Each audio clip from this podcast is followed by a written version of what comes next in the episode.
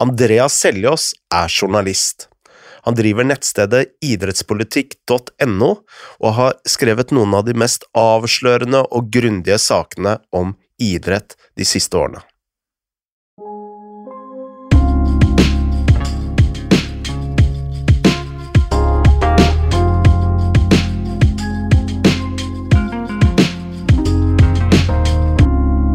Altså, Når du har drevet idrettspolitikk, så har jo du flere ganger vært i Russland, og du besøkte annet graven til en veldig kjent uh, russisk fotballspiller. Nei, nei, nei. Det som var greia, var at uh, har, vi begynt, har vi begynt? Ja, vi har begynt. Ja, greit. Uh, nei jeg Faren min, han har vært ekstremt opptatt av en en spiller som vi mener er den første utenlandske utenlandsproffen i anførselstegn som Norge har hatt. Mm. Og det var en spiller som, som het Oskar Petter Serk. Ja, Da var jeg ikke så langt unna, da. Nei, men han, eh, han bodde i St. Petersburg. Ja. Eh, og spilte for eh, en klubb i St. Petersburg. Og vi har datert det sånn ca. 1904-1905. Jeg er ikke helt sikker på om han har bodd i Norge, men han har i hvert fall eh, norsk familie. Og hadde en veldig merkelig eh, historie. fordi i Russland så var jo fotballagene De ble, på, de ble inspirert av England, for det første. Altså de, det var engelskmenn ofte som kom bygde opp fabrikker. Bomullsfabrikker eller radiofabrikker og sånne ting. Mm.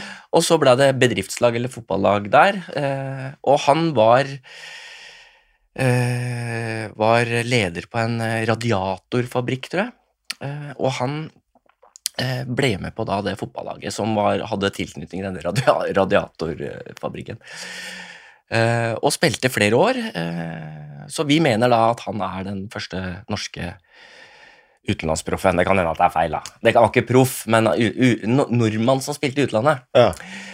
Uh, og etter hvert så flytta han til Birmingham og lagde noe som het Serk Aviation, som en av, var verdens, en, av, en av verdens største flymotorfabrikker. Så det eksisterer fortsatt, så hvis du drar til Birmingham nå, så kan du dra på Cirque Aviation. Det er byster og alt mulig av han. Så en nordmann som da egentlig starta i, i St. Petersburg. Men er den ikke også gravlagt? Jo, og så er det da, i forbindelse med den interessen for han typen her, så har vi blitt kjent med da en russisk eh, fotballhistoriker som heter Juri Lukosiak, som er tilknytta Zenit St. Petersburg i dag. Han har bygd opp fotballmuseet der. Mm. Eh, og eh, og han Serkar, han er da gravlagt i i, har en gravstøtte i en kirkegård i St. Petersburg som var gjemt og borte og eh, og som da fattern og han professoren har på en måte funnet fram til og pussa opp sammen. Mm. Og vi har vært der og besøkt den. Og den, den, den, kirkegården er veldig spesiell. Når vi snakker om den konflikten som er i Russland nå, den derre nasjonalismen, ser du veldig tydelig på den kirkegården. Fordi at kirkegården er delt i to. Der er det russere på den ene delen, og så er det utlendinger på den andre. Mm. Eh, og da eksempel eh, broren til Alfred Nobel ligger på den samme gravplassen, på den utenlandsavdelinga. Og da når eh, Russland ble et fritt land, eller når Sovjetunionen gikk i oppløsning i 1991, så var det mange så, var det, så begynte de å pusse opp den russiske delen, mens ikke utenlandsavdelinga. Og det er der han Serk ligger. Sånn at hvis du går der fortsatt, så er det liksom de, de fine gravplassene på den utenlandsavdelinga nå det er Ugress og mose på den ja, andre. Og høl og uteliggere ligger nede i sånne katakomber og sånne ting. Og så er det de som da har hatt et sånn privat initiativ om å pusse opp, sånn som da Oskar Petter Serk sin gravstøtte. Mm. Eh, den er da fin. Eh, Mm. Men der ligger også da grunnleggeren av det russiske fotballforbundet. Han var skotsk. Eh, Mac Pearson. Og den gravstøtta òg ligger der inne, og den var også helt uh, maltraktert, og den, uh, den er pussa opp. Så det russiske fotballforbundet blei grunnlagt av en skotte? Ja, ble grunnet av en skotte, og det ville de på en måte Og så var det en sånn konflikt, altså du hadde jo da han, Jeg lurer på om han var generalsekretær, på en måte, eller administrativ lederen, og så hadde de en president. Og så var det jo da veldig kniving mellom de to, sånn som det pleier å være i fotballforbund. Uh, og så Så har det da, etter hvert, så har det da så ble han McPherson kasta ut og ble på en måte skrevet ut av den russiske fotballhistorien, på en måte. Mm. Eh, og det ser du også på grava hans, da, helt til man oppdaga den, og så har han da pussa. Altså, det er veldig interessant å se sovjetisk og russisk historie, hvordan man bruker eh, idretten helt bevisst da, eh, for å bygge opp eh, rundt eh, nasjonalismen, og jeg vet at du, når du jobba i NUPI, så forsøkte du å, å starte et prosjekt eh, eh, som handla om eh, idretten og fred. Mm. Hvor langt kom du? Nei, altså det, Prosjektet het Sport og forsoning, og utgangspunktet var at uh, Raftohuset, eller Raftostiftelsen i Bergen, de skulle arrangere en stor konferanse om Nord- og Sør-Korea i Bergen. Det varte ei uke, tror jeg. Og så hadde de lyst på litt andre innfallsvinkler til forsoningen mellom Nord- og Sør-Korea. Lurte på om idrett kunne være en. Så det var liksom, Og da henvendte de seg til meg, fordi at jeg hadde skrevet litt om sport og politikk. Eh, og var veldig, interessert i det. Og så hadde vi en direktør på NUPI som, som var veldig sportsinteressert, eh, og som da anbefalte meg, og så starta vi med det. Og det, det samarbeidet NUPI og Raftohuset hadde på akkurat det prosjektet, det utvikla seg videre, så vi, vi mm, søkte om penger til UD eh, og fikk en del penger for å videreutvikle dette prosjektet. Mm. Og det førte til at vi ansatte vitenskapelige assistenter, og det ble skrevet en bok for eksempel om eh, cricketdiplomatiet mellom India og Pakistan, en Hva handla det om? Nei, det handla om hvordan cricket ble brukt som virkemiddel for å få forsoning mellom India og Pakistan. Eh, eller det, var det som var på en måte forsøket, men det viser jo seg at cricket var så veldig Begge landene var så veldig oppsatt på å være gode i cricket at det var, viste seg å være et veldig dårlig virkemiddel. Mm. Men det var eh, noen sånne eksempler, og så etter hvert så eh, var flere vitenskapelige assistenter, og det ble et forskningsprosjekt. og Vi reiste rundt og holdt foredrag eh, mange steder, og så ble det etter hvert flytta opp til idrettshøyskolen, og nå kan du studere sport og forsoning som en del av eh, sport management-kurset der oppe, og du kan ha det inne i bachelorgraden din eller mastergraden. Finnes det noen eksempler på hvordan eh, idretten har eh, klart å være en, et forsonende element mellom to parter som er i konflikt? Ja, ja, det kan du, men det er noen sånne premisser som må ligge til grunn for at det skal fungere. Eh, For det første så kan du skille mellom forsoning mellom mennesker som har vært i konflikt i et land, altså internt, borgerkrigstilstandene for eksempel. Eh, For du kan ha mm, hutuer og tutsier, eller du kan ha serber og kroater i Jugoslavia eksempel, altså at du har den interne konflikten eh, på den måten. Og så er det mellom land. Eh, altså sånn som nå, da Russland og Ukraina er krig mellom to land, og hvordan er det du skal bruke idrett for eksempel, til å bidra til forsoningsarbeidet. Så det er to måter og to innfallsvinkler til det. Og så er det eh, så er det det vi fant ut, eller alle de casene, for å bruke et fint norsk ord, eh, vi analyserte, så er det et veldig, veldig viktig premiss, og det er at det må være en politisk løsning i forkant. Mm. Det vil si at eh, de politiske lederne må ha gått inn en fredsavtale eller en intensjon om fred og sånne ting, sånn at det er på en måte du har, At krigen er stoppa, på en måte. Mm. Eh, og at det er en vilje til å møte hverandre. Eh, Det kan ikke være motsatt. Du kan ikke liksom nå i en krigssituasjon f.eks. mellom Russland og Ukraina nå bare ha en fotballkamp mellom ukrainere og Så, så løser alt så seg. løser alt seg. Det går ikke. Så det må være, det en, det må være et minimum av politisk fred, på en måte.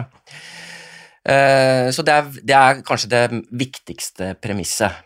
Og så er det, eh, så er det noen andre variabler. Det, det, en annen variabel er at valg av idrett, og da er vi inne på det med cricketdiplomatiet. Det vil si at cricket betyr veldig, veldig, veldig mye for både indere og pakistanere. Mm. Sånn at eh, kampen i seg sjøl blir så viktig at, eh, at det kan godt hende at du glemmer hvorfor du bruker det virkemidlet. Eh, Du må så velge, det, så, velge en idrett som eh, ikke er så viktig, da, eller? Ja, altså, eller Det kan være viktig, men for det mest kjente eksempelet det er mellom stater. Det er jo det såkalte bordtennisdiplomatiet, eller pingpongdiplomatiet, mellom Kina og USA. Mm. Der Nixon og eh, Mao eh, liksom eh, gjorde opp.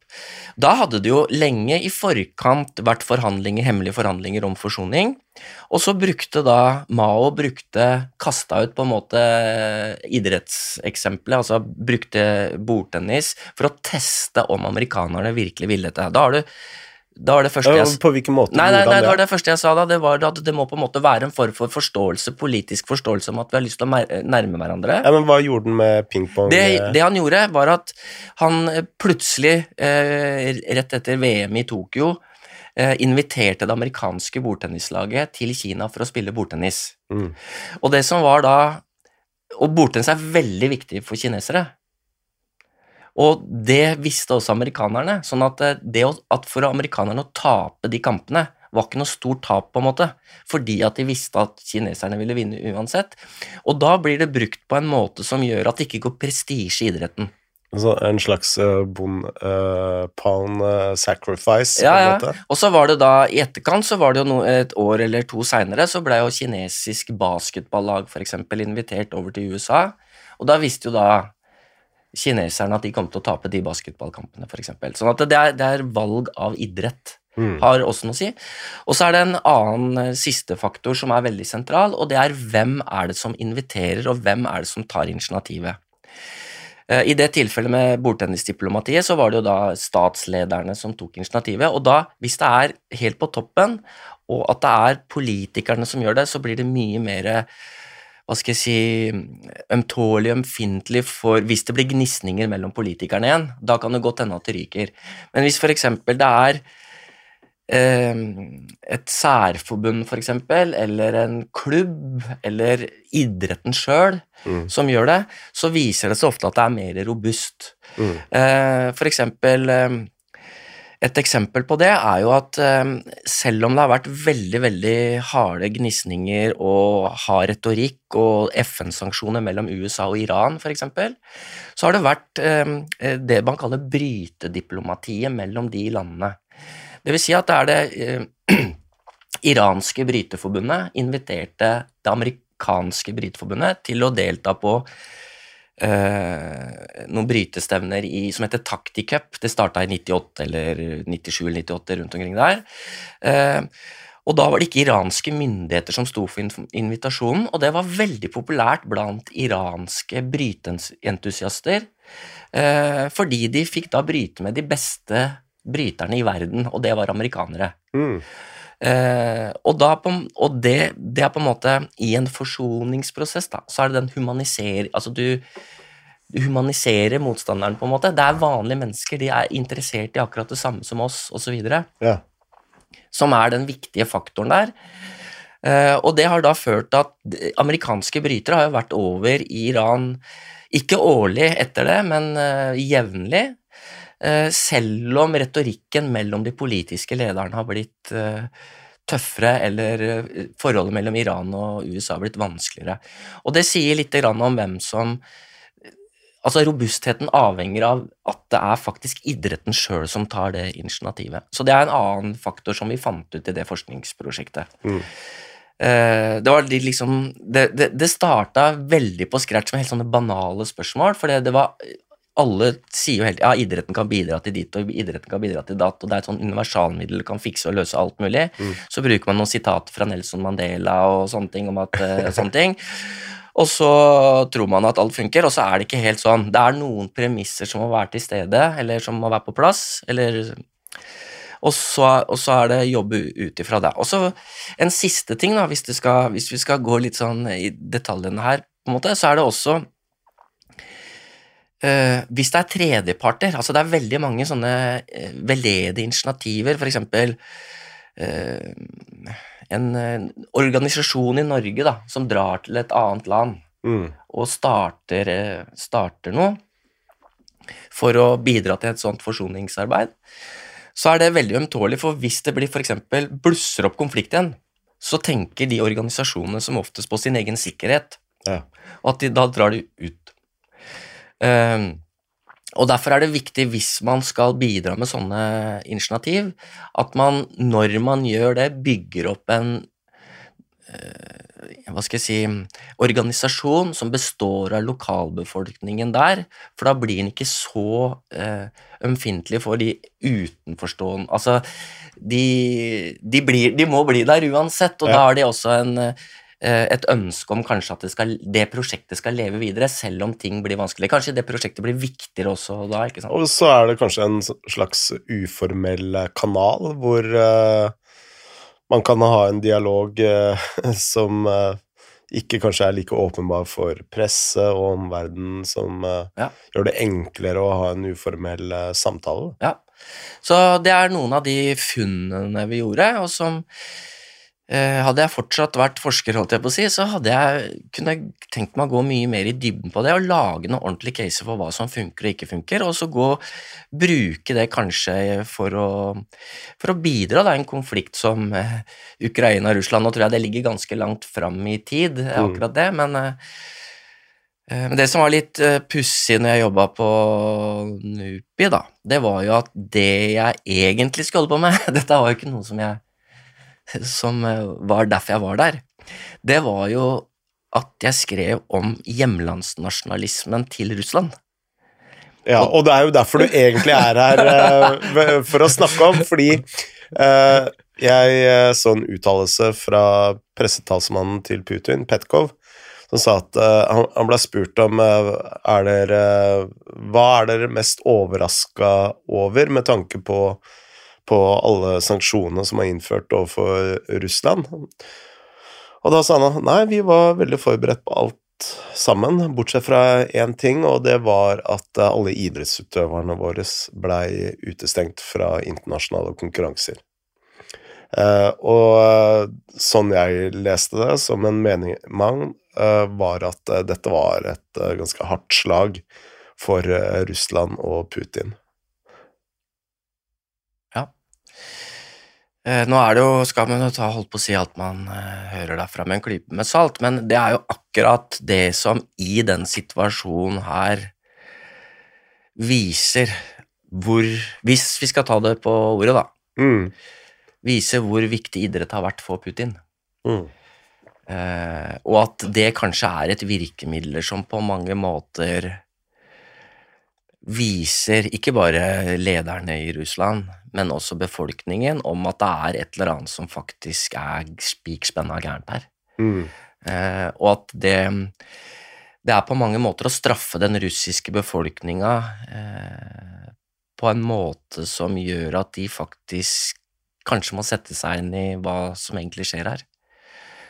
Eh, nå er det jo mange andre sanksjoner også, økonomiske sanksjoner og sånne ting. Eh, men jeg tror at det, det kulturelle sanksjonene, det er jo Og også da, hvis du tar det utvida kulturbegrepet, eh, idrett, inni det, så, så er jo de sanksjonene der kanskje noe som jeg holdt på å si er en form for pedagogikk i det. altså at Man må faktisk prøve å sette seg inn i hva dette dreier seg om. Samtidig så kan det jo slå helt motsatt. Nå så, jeg litt, nå var det jo sånn eh, Hadde de jo et sånt reserve-Paralympics nå i i Sibir nå forrige uke. Det er vel, ja, ble vel avslutta i helga. Mm. Eh, og så skal de jo ha sånn russisk mesterskap på ski og sånne ting. Og det blir jo brukt for alt det har vært propagandamessig om at nå er vi hjemme, eh, og nå må vi konsentrere oss om oss sjøl. Altså det bygger opp en form for nasjonalisme på den måten. Mm. Så gjenstår det å se om det er veldig populært å se på TV og sånne ting, da, det veit jeg ikke. Så det er liksom eh, Vi får se. Men jeg tror at det slår veldig hardt, og så er det veldig mange for Putin som er da Én har brukt Nei, er veldig sportsinteressert. Mm. For han har jo svart belte i judo, blant annet. Og, Ja, nå ble han jo fratatt eh, Nå er ikke jeg så veldig god i sånne belter i kampsport, men eh, han har jo hatt sånt æresmedlemskap i Taekwondo-forbundet også. Der hadde han en sånn eh, svart belte den tiende dagen eller et eller annet. Det ble fratatt nå, da, så det har han ikke lenger. Nei. Men i judo har han jo vært eh, han har både vært en judoutøver, men også vært veldig sentral i det internasjonale judoforbundet. Eh, med æresmedlemskap og alt det der. Og han som er president i, i, i det internasjonale judoforbundet nå, Marius Wieser, som har en veldig spesiell historie eh, som jeg ikke trenger å gå inn på nå, men han har også vært en sånn støttespiller til Putin. Ikke bare på idrettsarrangementer, men på konferanser og kongresser. Mm. Eh, så, da, han har, så det har vært veldig, veldig viktig for han. Og så har du ishockey, som har vært eh, eh, en veldig, veldig viktig idrett for Putin, av forskjellige grunner. For det første så er det ved siden av kunstløp er jo den viktigste vinter-OL-idretten. Den største. Kunstløp? Kunstløp og ishockey. Eh, Ja. Hvis du ser på TV-tall og sånne ting, så er det jo sånn som i USA og Russland er det ingenting som slår kunstløp. Nei. Eh, og jeg tror også det er ganske populært i Asia, uten at jeg kan TV-tallene der. Og så er, det, så er det ishockey, som er veldig populært i Canada, USA og, eh, og Norden og, og, Russland. Mm. Eh, og så hvis du ser på en del av eh, hva skal jeg si mm, eh, bondinga mellom Putin, som er president i Russland, og Lukasjenko, som er president i Hviterussland, eh, så har jo det vært på ishockeybanen. De har jo lagd egne ishockeylag og er kaptein på hvert sitt lag og skårer alle måla og viser seg som sånne machofyrer på ishockeybanen. Ja, ja. Eh, Så det har vært en, på en måte en sånn nasjonsbyggereffekt på den måten. da, altså at ja. Det gjorde jo Sovjetunionen øh, med, med den der berømmelige femrekka. Ja, ja, ja. Så, så ishockey har jo vært en Altså, kunstløp og ishockey har vært de viktigste idrettene både i Sovjetunionen og, og Russland nå. Kunstløp det er veldig spesielt. Hvis du eh, Nå er det ikke interessen for kunstløp så stor i Norge. Vi tror liksom at det er en liten idrett fordi at vi ikke veit noe om det eller er noe Ja, gode. for vi tror vel femmila er liksom Ja, ja. det største. Ja, og det er ikke riktig. Hvis du, jeg tror hvis du går til veldig, veldig sportsinteresserte øh, russere, så tror jeg kunstløpere kommer veldig høyt på lista. Du så også, nå var det jo da eh, Var det på lørdag eller helga som var, så hadde jo Putin hatt sånn svært arrangement på stadion i Moskva Mm. med konserter og alt mulig, og da var det også en del idrettsutøvere. Og fire av de åtte eller ni idrettsutøverne som var der, var kunstløpere. Mm. Eh, og den stadion nå er jo symbolsk i seg sjøl. Det var der OL i 1980 var. Eh, og som har også arrangert andre store turneringer og verdensmesterskap og sånne ting. Så den er, den er veldig viktig symbolsk i Russland. Luzjniki stadion. Mm. Eh, så kunstløp er veldig viktig. Jeg husker hvis vi går tilbake til denne russiske historie, historikeren som har vært med på å pusse opp gravstøtter i St. Petersburg, så husker jeg han var i, i Norge for noen år siden, og så satt vi på en eh, kafé, eller bar. Du må ikke skryte på deg noe her. Nei.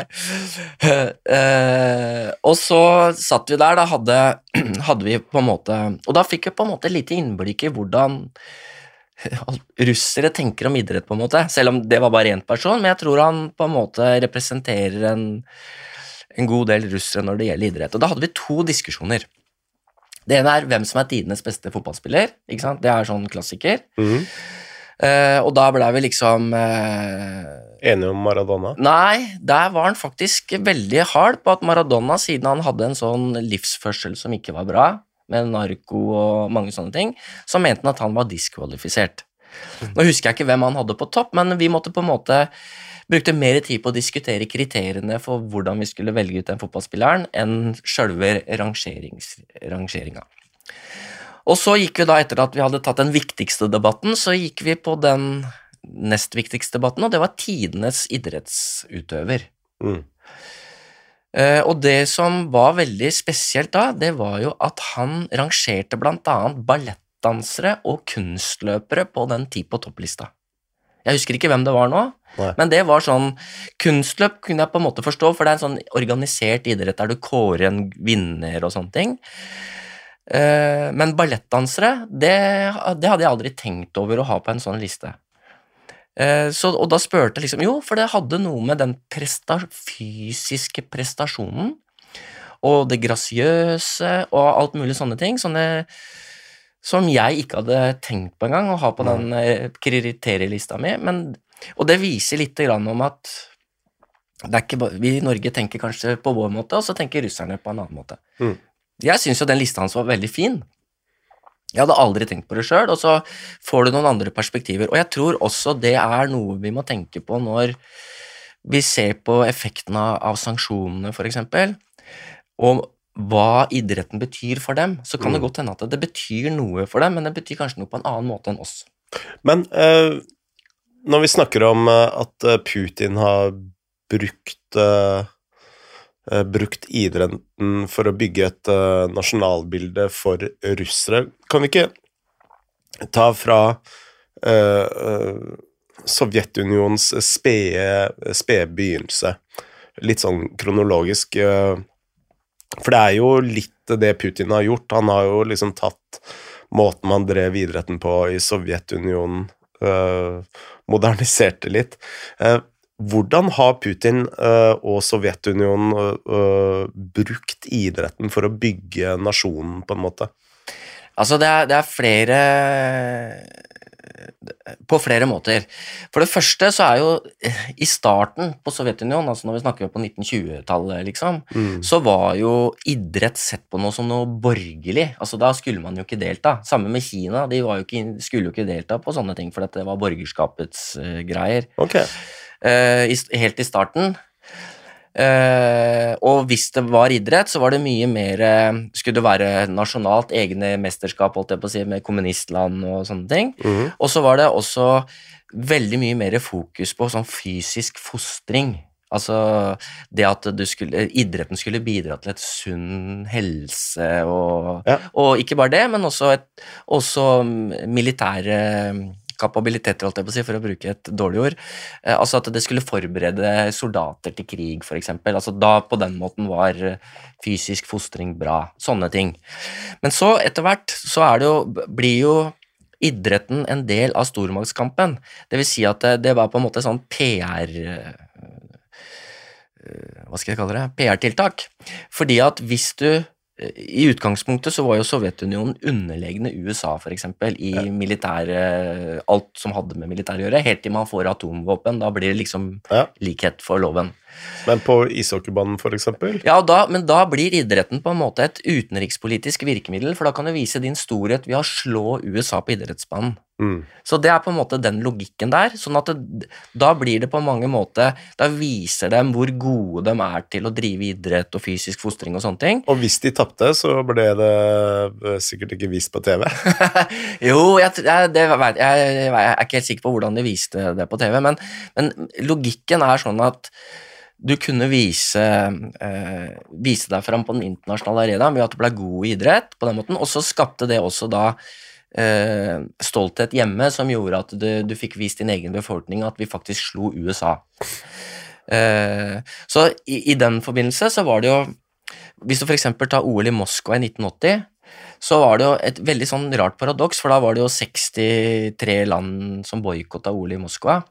Og det var jo et, på en måte et prestisjenederlag for Sovjetunionen, for de ville jo liksom de ville jo ikke ha det negative fokuset, men samtidig så gjorde jo det at de, de økte jo sin egen gullbeholdning, og det var jo bra. Mm. Sånn at eh, sånn sett så var det jo liksom Ja, ok, de kunne ikke stille opp, eller gadd ikke å stille opp, de turte kanskje ikke, ikke sant, og så var det vi som vant gull isteden. Mm. Så det hadde også en form for propagandaeffekt. Så det er på den måten så ble det brukt som et, eh, et, et utenrikspolitisk virkemiddel, og ble brukt som en form for nasjonsbygging. Men så, i tillegg til det, eh, så brukte man jo eh, idretten til å få innflytelse i Vesten, fordi at internasjonale særforbundene for eksempel, de lå jo i Sveits eller andre steder, og hvis du da fikk representanter valgt inn i disse organisasjonene, særforbundene, så kunne du være med på å bestemme f.eks. hvor mesterskap skulle gå, du, du, kunne bruke det som arena for etterretning. Det er laget flere forskningsstudier på hvordan f.eks. KGB brukte eh, idretten for å både infiltrere, men også få inn informasjon fra Nato-land. De fikk reise til Nato-land, være med mm. på mesterskap eh, i, ja, i forskjellige steder i Europa, og så kunne de da bruke det som en plattform for å innhente informasjon. Mm. Uh, ja, for det var vel sånn at uh, hvis du Si du var, spilte på et volleyballag, så måtte du ha med noen KGB-offiserer. Ja, ja, og de var ofte akkreditert som journalister. Nei. jo, jo. Uh, Uh, eller hjelpetrenere eller fysioterapeuter eller sånne ting. Da. Men det var ofte at de var journalister, for hvis de var akkreditert som journalister, så fikk de også tilgang til andre arenaer, f.eks. på pressekonferanser eller i, mm. sammen med andre vestlige journalister, og kunne høre litt der eller prøve å påvirke der. Mm. Så, uh, så, det, så, det, var en annen måte. Og den, den logikken der har jo da Putin uh, Han er jo fra KGB. Så han har på en måte videreført den og brukt veldig mye energi og store ressurser på å eh, vinne OL-gull. Det så vi i Sotsji, der han eh, bidro, eller kanskje var den som initierte et svært dopingprogram for at de skulle vinne mest mulig gull på hjemmebane. Mm. Akkurat sånn som de gjorde i Moskva i 1980. Samme måten å organisere det på alt mulig. Eh, og så har han også brukt veldig mye ressurser på å påvirke, få plassert folk inn i internasjonale særforbund. Eh, og det ser du jo tydelig i dag, at de særforbundene som er mest påvirka av, av russ, russere, eh, de er også de som har vært seinest til å komme med sanksjoner overfor Russland. Eh, har alle kommet med sanksjoner nå, eller er det noen som ja, ikke har gjort det? Ja, alle har kommet med sanksjoner, men det er veldig gradert, fordi det er noen som har liksom kasta dem rett ut. Uefa, for eksempel, har jo kasta avlyst Champions League-finalen i St. Petersburg. Eh, russiske klubber får ikke spille. Mm. Fifa har jo nå også da i hvert fall midlertidig kasta ut Russland sånn at de ikke kan kvalifisere seg. Men så er det noen forbund som fortsatt har en sånn en linje der de mener at russiske utøvere skal få konkurrere, men under nøytralt flagg og ikke nasjonalsanger og sånne ting. Så det har du fortsatt. Og det kan hende at hvis du ser på dem, så er det ofte de, de særforbundene som er mest Russland-vennlige. Ja. Så det, det ser du tydelig. Og så har de da brukt det for å få veldig mange mesterskap. Altså, når du har skiskyting i, i Sibir og eh, universader og en del mesterskap i Kasa, svømming i Kazan og sånne steder, så er det veldig mye fordi at man har greid å påvirke Svømmeforbundet eller Skiskytterforbundet til å legge mesterskapene til steder i Russland. Eh, OL i Sotsji, fotball-VM, sånne ting. Eh, og det er jo fordi at de har hatt stor påvirkningskraft på de organisasjonene som har tildelt de mesterskapene. Og det har vært en bevisst strategi fra Putin sin side. Mm.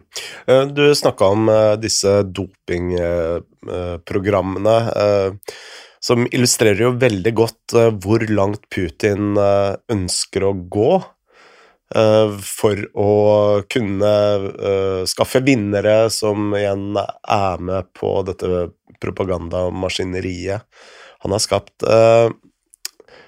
Hva, hvordan så dette dopingprogrammet ut? Og du har jo møtt en av uh, varslerne eh, fra dette dopingprogrammene. Eh, og hva er det de har gjort, og hvor langt har de liksom tøyd denne strikken? Nei, altså det, For det første så er det statsstyrt eh, dopingprogram, altså det er, og det er jo en del av denne utenrikspolitiske politikken de har hatt. på en måte. De skal vinne mye på hjemmebane, hvis ikke så er det katastrofe. Ja. Eh, og så, Jeg har møtt to personer som har, eh, som har mye informasjon om de dopingprogrammene. En var en KGB-offiser som eh, Jan Jensen i Ekstrabladet i Danmark, som jeg har jobba veldig veldig mye sammen med, avslørt veldig mange spesielle ting. Eh, eh, en, en KGB-offiser som het eh, Popov, som måtte flykte fra Russland på midten av, ja, slutten av 1990-tallet. Han bor nå i USA. Han bor i Canada, og vi møtte han på hemmelig sted der. Hans jobb i KGB eh, var å være med særlig ishockey, det sovjetiske ishockeylandslaget, som ble kalt for verdens beste ishockeylag gjennom tidene. Første femmeren til Sovjetunionen er liksom et eget begrep i ishockeyen. Uh, og jobben hans var todelt. Det ene var at han skulle sørge for at utøverne ikke hoppa av til Vesten. Og det andre var at han skulle rekruttere idrettsfolk til å rapportere inn til KGB hvis det var noen som lefla med vestlige ideer. Russiske utøvere, da. Ja, sovjetiske, da, Ja. på det tidspunktet der. Uh, og, han hadde, og da var det en egen avdeling i KGB som bare hadde med idrett å gjøre. Og han var da, jobba i den avdelingen. Og han jobba da samt, uh, Det her var da før OL i Moskva, etter OL i Moskva. Uh, og i det, den KGB-divisjonen så var det også da en egen avdeling, eller jeg veit ikke om det var en egen avdeling, men det var i hvert fall en del folk som jobba med OL i Moskva, og hvordan de skulle eh, greie eh, å skjule doping. Ja. Eh, fordi at det ville være veldig flaut hvis noen ble tatt for doping. Og den måten de gjorde det på da, var at de, de bytta ut alle dopingprøvene. Ikke bare til sovjetiske utøvere, men til alle. Fordi at de, de mente at det ville se litt dumt ut hvis bare vestlige folk som hadde dopa seg, ble tatt, og ingen sovjetere. De ville da følte at det var litt mistenkelig. Så de tok og fjerna alt. Eh, og det kan jo hende at da de skjulte også noen dopingprøver som var positive hos vestlige utøvere. Det aner vi ikke. nei. Men måten de gjorde det på, var at de liksom De bytta ut urinprøver, rett og slett. eh, Og det var eh, hemmelige tjenester som gjorde det. Men eh, disse dopingprøvene, altså de blei jo tatt rundt omkring i verden. Hvordan Nei, det var under mesterskapet. Jeg tror ikke dopingprøvene oh, ja, okay. var ikke så utvikla. Det var under OL. Ja, Sotsji. Ja. Nei, nå snakker vi om Moskva i 1980. Ja, ok. Ja, Det var denne KGB-mannen som fortalte oss det når vi var og besøkte ham på hemmelig sted i Canada. Mm. Og så Det som var litt pussig da, var jo at vi møtte han rett etter avsløringene av OL i Sotsji, altså dopingavsløringene i Sotsji. Riktig. Og da tenkte vi du, dette her ligner jo akkurat på de dopingavsløringene. Så det vi gjorde da, vi tok kontakt med Grigorij Rodsjenkov, som var den som da ble av, som avslørte doping eh, all dopingen under OL i Sotsji, gjennom annet denne filmen Ikaros, Mm. som går på Netflix, som hadde fortalt om akkurat den samme måten Mm. å jobbe på. Hemmelige tjenestene, bytte prøver og sånne ting. Men i tillegg så hadde han da vært med på å utvikle utvikle doping, sånn at eh, han hadde da lagd en såkalt sånn hertugcocktail, eh, eller hva de kalte det, med tre forskjellige sånne dopingpreparater. eh, Steroider, eh, steroider, og så noe sånn whisky eller noe sånt for å, at det skulle dampe ut. Um, uh, og da utvikla det i tillegg, så da var det ekstra viktig å få fjerna de dopingprøvene som ble tatt, fordi at man ikke skulle Og det da Ja, for det var jo, var jo sånn den Ikaros-filmen egentlig starta, Riktig. før den tok en, eh, en dramatisk vending. Riktig. eh, Så de skulle, I den filmen så skulle de jo dope seg med vilje for å se hvor langt man kunne gå, og så var det Grigori Rusjenko som ble den som skulle hjelpe en, og så ble hele greia avslørt. Men det som vi fant ut da, når vi fant ut det der med Popov i Canada, og kontakta Rodsjenkov, så var han litt interessert i å møte oss, faktisk, Jan Jensen og meg, fordi at han hadde lyst til å høre litt grann om Popov. Og Popov og hva han hadde hørt om og visst om ham, for de hadde ikke møtt hverandre. Nei. De hadde bare hørt uh, om hverandre. Så det var på en måte en åpning inn til det møtet med Rodsjenko, som vi møtte på hemmelig sted i USA, med skimaske og alt mulig, for han var jo også redd for å bli drept. Skimaske, hvorfor Ja, sånn eh, balaklava, fordi at eh, han drev med noen endringer av utseendet sitt som gjorde at han ikke ville bli gjenkjent. Ah, ja, så han har endra utseendet Ja, det er i hvert fall det vi ble fortalt, da. Mm. Så det er veldig, veldig pussig. Og så var det da eh, en helt merkelig ting som skjedde etter det, og det viser litt grann hvor kynisk det er, og jeg vet ikke si om det var farlig for Jan og meg, men hvor det kan jo være, i hvert fall være litt ubehagelig, fordi at etter at vi hadde møtt denne Popov, eh, Eh, og så skrev jeg en artikkel på engelsk Mm. eh, den, eh, om liksom vårt møte og hva vi fant ut og sånne ting. Eh, og det var den artikkelen som gjorde faktisk at eh, Rodsjenko fatta litt interesse for å møte oss, da, for han hadde lyst til å utveksle. Men da, i den artikkelen så skriver vi jo da om hva vi snakka om og sånne ting, og så er det to personer vi nevner i den artikkelen som vi har prøvd å få tak i, men som vi ikke har funnet. Og det var Nei, det var to russ, russisk, russere, eller sovjetere, eh, som da som jobba med dopingprogrammet i OL i Moskva i 1980. Mm. Eh, en heter ja, Jeg husker ikke hva det heter akkurat nå, men så fant vi ut etter hvert at han ene fikk vi ikke tak i fordi han var død, så det var ikke så rart.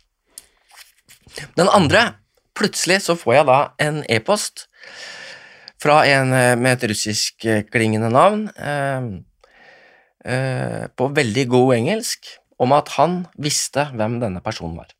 Så ja. hvis jeg ville ha hjelp, så kunne jeg kontakte. Eh, hjelpe meg med kontakt. Eh, og så tenkte jeg ålreit, dette her var jo veldig flott, da. Kanskje får tak i den.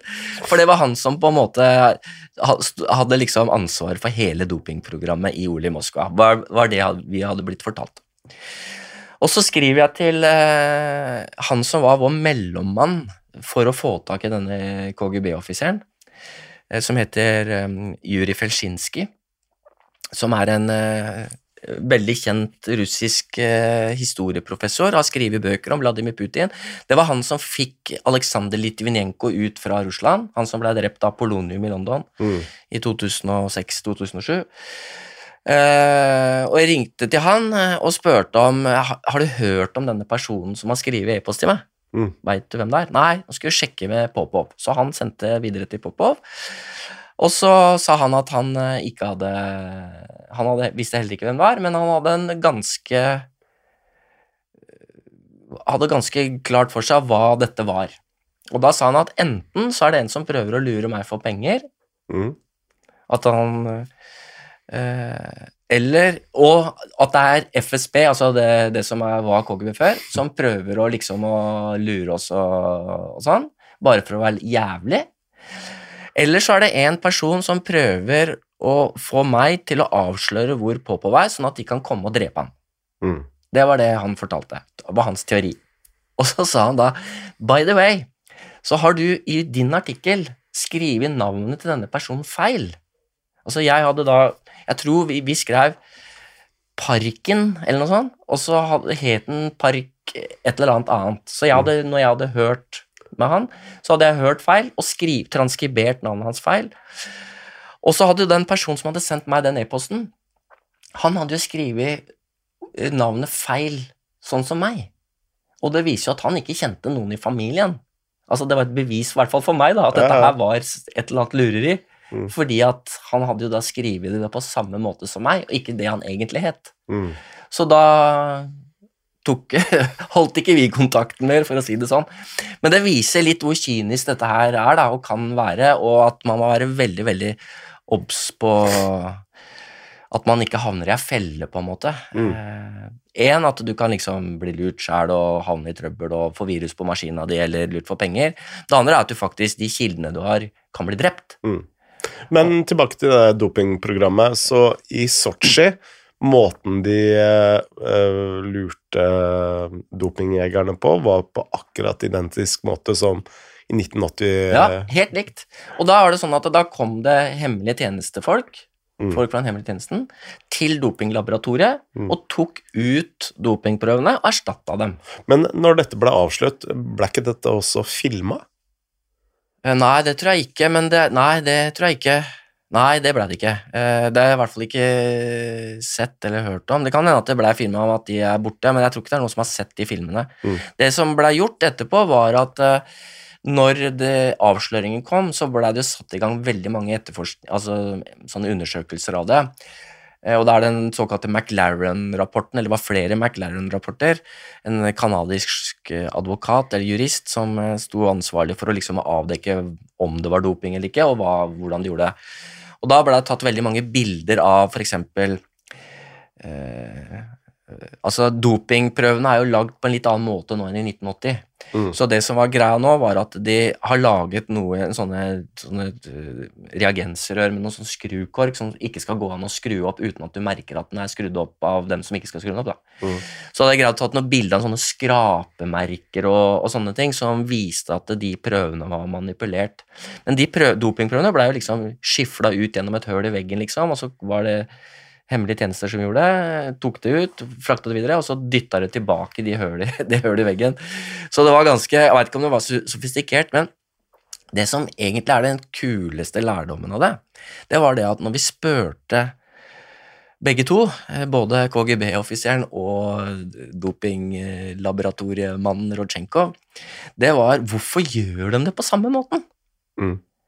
Har de liksom ikke utvikla seg noen ting, liksom? De kan jo kanskje gjøre det på en litt mer sofistikert måte, finne på noen andre måter å gjøre det på, og sånne ting. Så, nei, det var sånn i det sovjetiske og russiske systemet at når de liksom på en måte var en ting som funka én gang, så var det det som man gjorde Bare hele, gjentok tiden, hele tiden. Gjentok hele tiden. Mm. At det var en form for sånn, jeg vet ikke om det er noe sånn faguttrykk for sånt, men sånn byråkratisk logikk eller et eller annet sånt ting som gjør at ikke, de fornyer seg ikke, og så bare setter det seg i veggene, og hvis det, noen kommer med en ny idé eller noe sånne ting, Mm. så blir det bare slått bort, for at vi, vi skal gjøre det som vi pleier. Mm. Og det er jo sånn de kanskje har blitt avslørt, da. Hva med kampfiksing?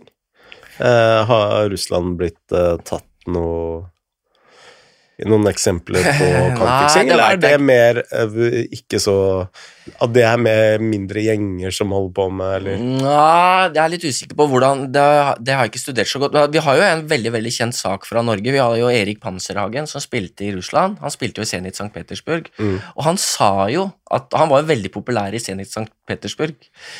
Eh, jeg vet ikke hvor lenge han spilte her, to-tre år.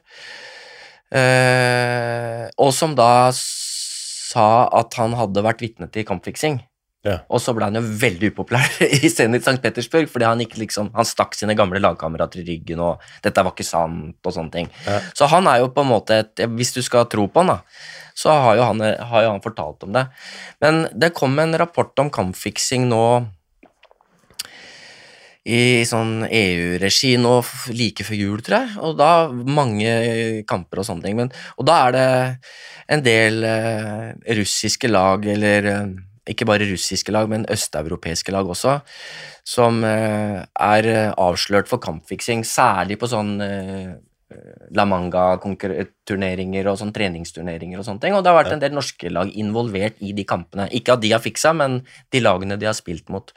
Og der er det noen eh, Nå husker jeg ikke navnet navn på de nå, men der er det eh, Der er det noen, en del russiske lag, tror jeg, som er med. Så, og hvem som organiserer og sånn, det veit jeg ikke. Men mm. jeg tror Altså, kampfiksing, kampfiksing i seg sjøl, det skjer ofte av to grunner. Mm. Altså, det er et økonomisk motiv, da. At de som eh, både betaler folk for å fikse matcher, eh, har et økonomisk motiv, men også de som mottar penger, har et økonomisk Men da er det to. Det ene er hvis kampene er helt uinteressante, f.eks. treningskamper på La Manga, Mm. eller eh, i slutten av en sesong der på en måte tabellen er satt, og du venter enten på et sluttspill eller eh, at sesongen skal være ferdig. Det er fire kamper igjen, ikke noe å spille opp eller ned på. Og, og så, sånne ting. Og så er det jo da at du aldri ikke har fått lønna di, eller lønna di er veldig lav, at du har da du har lyst til å tjene en ekstra slant med penger, liksom. Og jeg tror jo at en del av de russiske laga Nå skal ikke jeg si at liksom, disse russerne på den måten, det jeg tror jeg gjelder overalt, men hvis russiske lag har vært med på det, så er det de faktorene som har slått inn. Eh, Nå så vi jo en eh, sånn massemønstring eh, Putin arrangerte her forrige uke. Og der blei jo en rekke skiløpere blant annet, og andre idrettsutøvere lina opp som slags sånne trofeer. Og du har jo Nå husker jeg ikke navnet på den skiløperen som blir kalt Putins kaptein. Bolsjunov Bol han vant jo tre gull i OL nå i Beijing. Ja, ja. Han gikk jo han, Nei, han var den eneste som ikke hadde sånt sett på Uh, uh, på, på genseren sin. Men øh, han har jo vært en svoren tilhenger av Putin tidligere, men Ja, nei, altså det er, Og den der setten man hadde på seg, det har jeg sett masse spekulasjoner om eh, det gjorde noe bedre eller verre, eller om det var tilfeldig eller ikke, og sånne ting. Og det, det som er med russiske utøvere, jeg syns det er litt vanskelig for, å liksom både bedømme og dømme, fordi at hvis du blir bedt om å stille opp på et sånt arrangement og nekter, Mm. så er du i trøbbel. det tror jeg. Eh, så kan det hende at det er noen, noen som virkelig vil være med. At de støtter. De tror på det Putin sier. Mm. Og da er det ikke like lett å forsvare det, for å si det sånn. Eh, så det er, men, det, men så er det også sånn at det er jo en del Sånn som Bolsjunov ble da utpekt til kaptein i et, en eller annen forsvarsgren.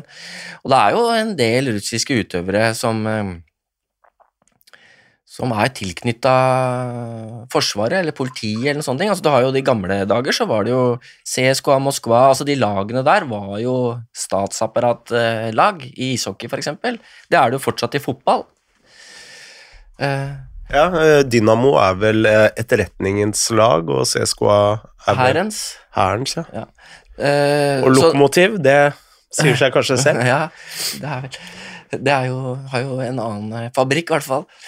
Men det, så det er liksom Så det er en historisk greie. Og du kan, hvis du drar eksempel eh, til Italia eller Østerrike eller Tyskland, sånt, så er det også at noen jobber i grenseforsvaret eller er politiet. Det var jo en italiensk eh, skøyteløper som var Fabrice for noen Mm. år siden, som vant VM og EM og, og sånne ting. Han gikk jo med polizei, eller altså politiskilt på drakta si, liksom, fordi at Mm. han representerte politiet. Så det er jo det er ikke bare Russland som har det sånn. Men det gjør jo da Når det er sånn, så gjør jo det at du Når det er en krig, særlig, og du er knytta til Forsvaret, så blir jo du som idrettsutøver knytta til den konflikten mye tettere enn hvis du ikke hadde vært det. Mm. Eh, og da er det også litt vanskelig å si nei, kanskje, hvis du blir utkommandert. Er du- Så, ja.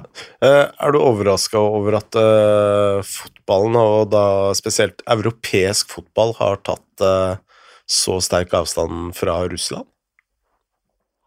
Ja, både ja og nei. Altså Det som er veldig spesielt, er jo at eh, hvis du går på Uefa nå, da, Europeiske fotballforbundet, Mm.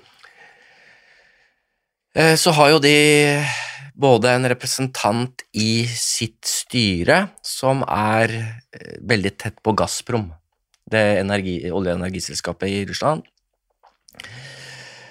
Eh, og Gazprom har veldig veldig stor innflytelse i europeisk fotball. Eh, eh, de sponser Uefa, eh, og de har jo sponset en del tyske lag og andre lag. Så på den måten så er jeg litt overraska at hun bare kutta bånda tvert. På den annen side så hadde de noe valg, liksom.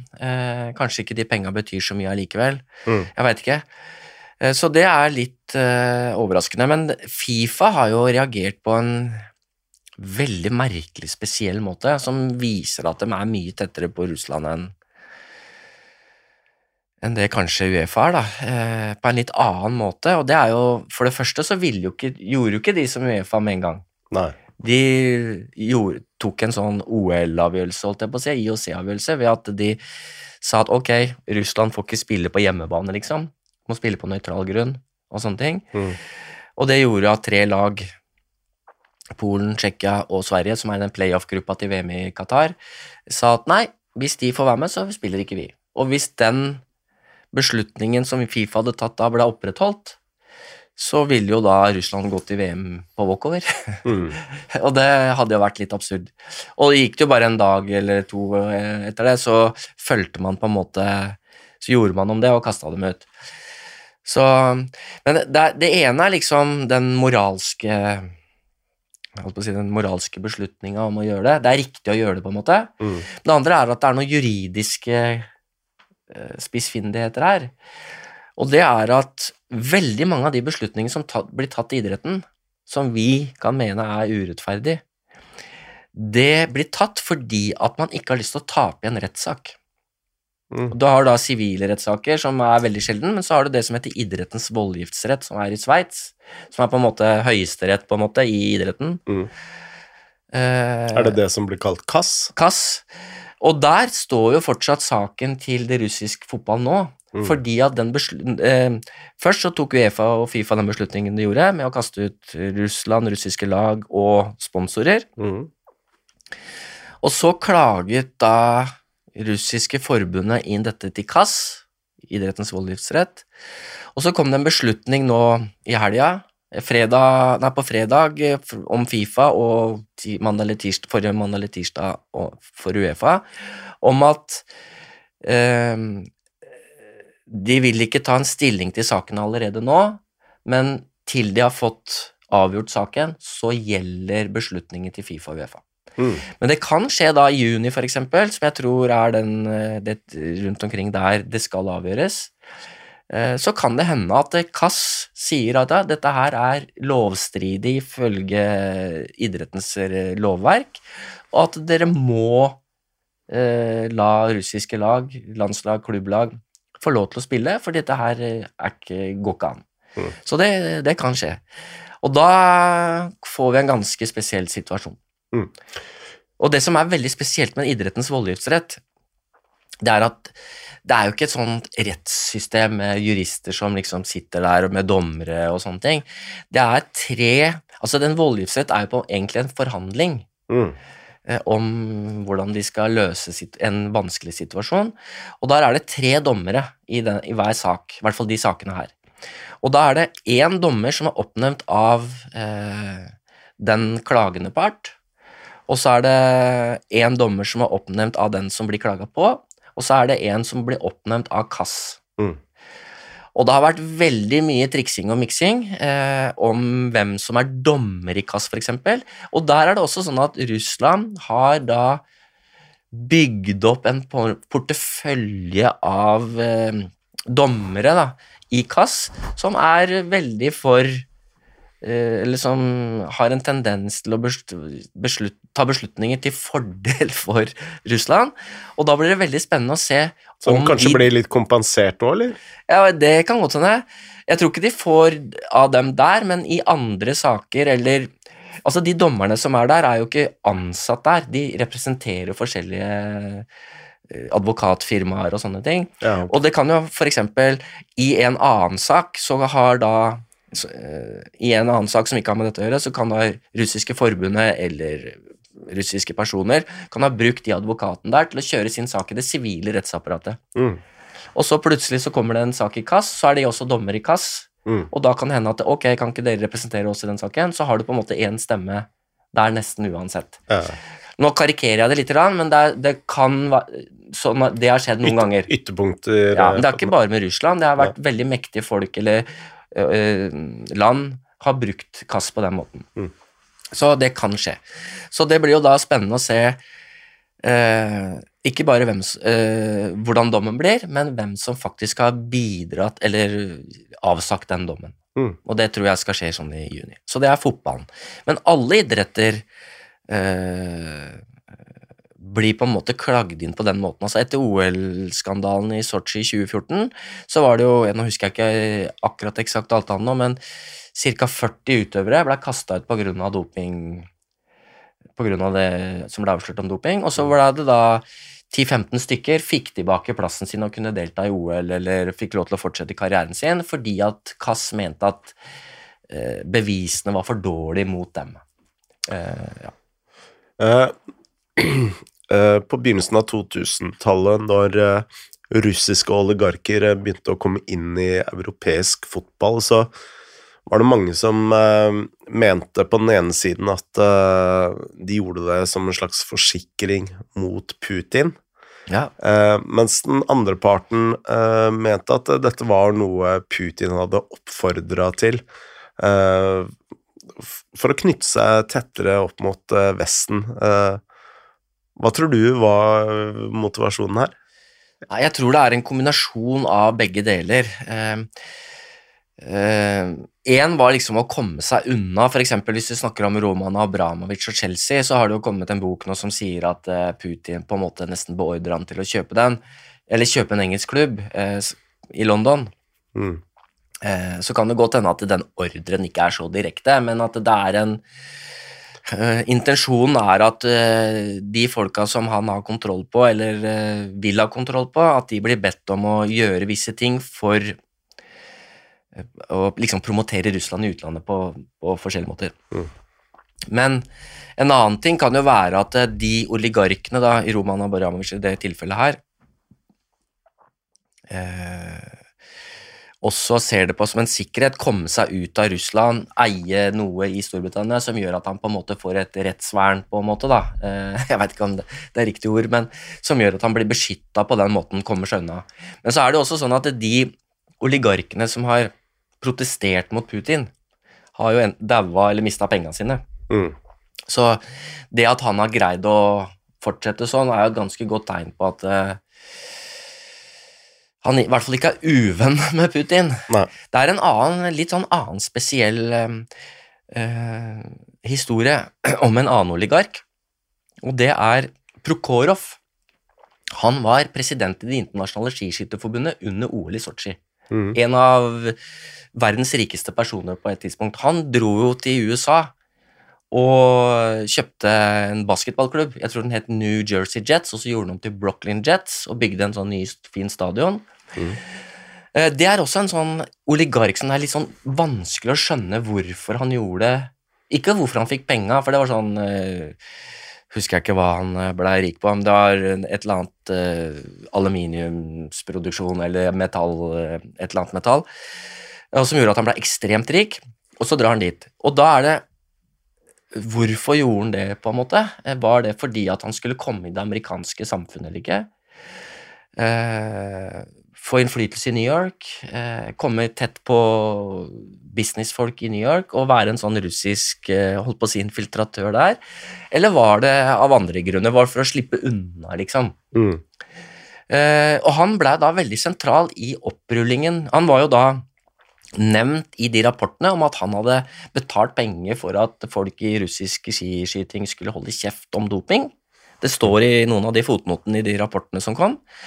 Uh, og han, når han var i New York, etter han hadde liksom etablert Brooklyn Nets, var jo han som representerte eller betalte penger Eller betalte um, juristene som saksøkte Roksjenkov, som da var på flukt i USA, eh, fordi at de mente at det var eh, han hadde kommet med ærekrenkelser og ødelagt karrieren deres og sånne ting, på vegne av tre russiske skiskyttere. Mm. Så han på mange måter dro dit, kjøpte det, fikk innflytelse i amerikansk idrett i New York, eh, og samtidig kjørte kampen videre for å hvitvaske eller frikjenne disse russiske skiskytterne eh, i rettsapparatet i USA. Mm. Eh, og liksom på en måte fortsette fortsatt å jobbe for Putin eller russiske myndigheter på den måten. Og så plutselig i 2018 eller 2019 så selger han Brooklyn eh, Nets til en kinesisk investor eller noe sånt. Eh, og da er det Det som da er liksom, holdt på å si ryktene om det, er jo at han hadde fått beskjed av Putin om å selge for å vise hans lojalitet til Putin. eh, Vise at han eh, skulle ikke drive og gasse seg i USA, liksom. Men det er liksom, Og han har fått også masse sånne priser og ordensmedaljer av Putin. og masse Ja, ja. sånne ting. Masse bilder, Han er en kjempehøy type, ser ut som han har spilt, spilt han, han har sikkert spilt basketball sjøl. Men det er også en sånn annen historie der idretten Altså, en riking i idretten eh, tjent masse penger, russisk oligark tjent masse penger, kjøper seg inn i en klubb på en veldig sånn spesiell måte. Hvorfor gjorde han det? Hvorfor solgte han seg? Hvorfor bidro han med masse penger for å saksøke Rodsjenkov på vegne av russiske skiskyttere? Altså, og da, hvis, du liksom, Hvis du legger alle de historiene sammen, Mm. så er det ganske tydelig at Putin driver og styrer disse oligarkene. Altså.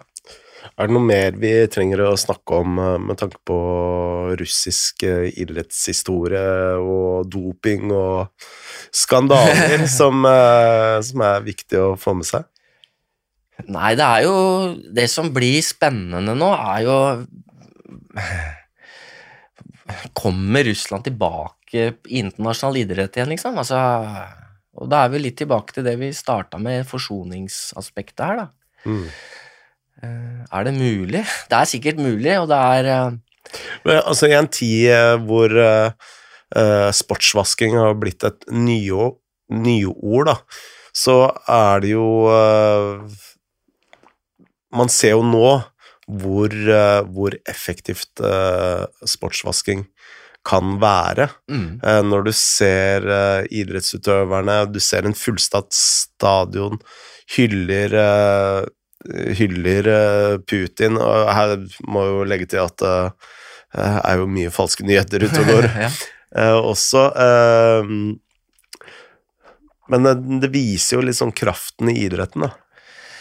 Ja, det gjør det, og så er det det, altså det ene spørsmålet det er jo det forsoningsaspektet, altså når kommer det tilbake? Men det som er greia, det er jo at hvem er det? Nå blir veldig mange russiske ledere kasta ut av idretten. Eh, sponsor blir kast, russiske sponsorer blir kasta ut av idretten. Altså laget Everton, for eksempel, laget som jeg holder med England. jeg veit ikke om jeg holder med dem lenger, holdt jeg på å si. Det er jo helt eh, Jo da, jeg gjør det. Men de har jo da en annen russisk oligark på laget, som er da fryst i alle midlene til nå, Alish Rusmanov, som da hadde også skulle være med å bygge ny stadion eh, i Liverpool der, og hadde de tre største sponsorene. ikke sant? De har kasta rett ut, Mm. akkurat som Gazprom ble kasta ut av Uefa.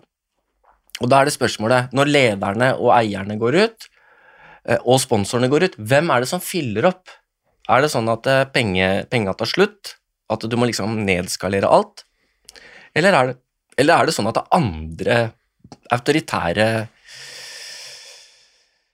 land eller folk kommer inn? Altså Det du har sett nå, det er ganske grovt. Nå var det jo møte her i Om det var på lørdag eller fredag, eller hva det var.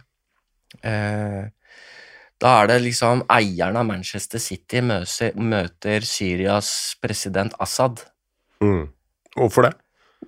Allianser. Eh, hvorfor? Ja, det kan du spørre om. Qatar er blitt den storspilleren internasjonalt nå. De har liksom forhandla Driver og forhandler fred mellom Taliban og alle andre nå. Eh, og de er nå sentralt inne for å prøve å forhandle fred med Ukraina og Russland. Er Qatar den, den største kraften i europeisk idrett akkurat nå? Ja, det vil jeg si. Og det som da, bare for å videreføre det holde på å si, svare på det spørsmålet og videreføre det jeg begynte på, det er jo nemlig det at kan det hende at Qatar får enda mer makt? Mm. Fordi at nå viser de seg som den playeren eh, på storpolitisk nivå. Nå var jo tyske energiministeren eller noe sånt, i hvert fall en tysk minister, var jo Qatar nå, fremforhandla en, en gassavtale med Qatar. Fordi de har jo egentlig en gassavtale med Russland, som Mm. de ikke vil ha nå. Og istedenfor så uh, er de i Qatar og forhandler den. Og isolert sett, så kan det hende, realpolitisk sett, så kan det godt hende at det er smart for dem, for da får de gass, men det gjør jo også kampen for f.eks. hvis det uh, tyske forbundet for eksempel, eller tyske supportere begynner nå med protester om mot eh, Qatar i, i forbindelse med fotball-VM i Qatar, så får de jo litt mindre kraft, fordi tyske myndigheter nå er full gass, holdt jeg på å si, Ja. bokstavelig talt, ja. inn hos eh, myndighetene til Qatar. Så de siste par åra, eh, av mange forskjellige grunner, så har Qatar blitt en veldig, veldig innflytelsesrik nasjon, stat, i europeisk fotball. Eh, og eh, det som skjer nå, kan jo faktisk gjøre at den enda, får enda mer makt. Mm. Hvis ikke det er noen andre som kommer inn. Eh, men jeg ser liksom ikke hvem det skal være. Andreas, tusen takk for at du ble med i Lia snakker med. Bare hyggelig, og tusen takk. En liten fotnote. Andreas eh, kom i skade for å fortelle om eh, Oskar Petter Serk, og at han var begravlagt i St. Petersburg. Det medfører ikke riktighet, da Oscar er begravet i Birmingham.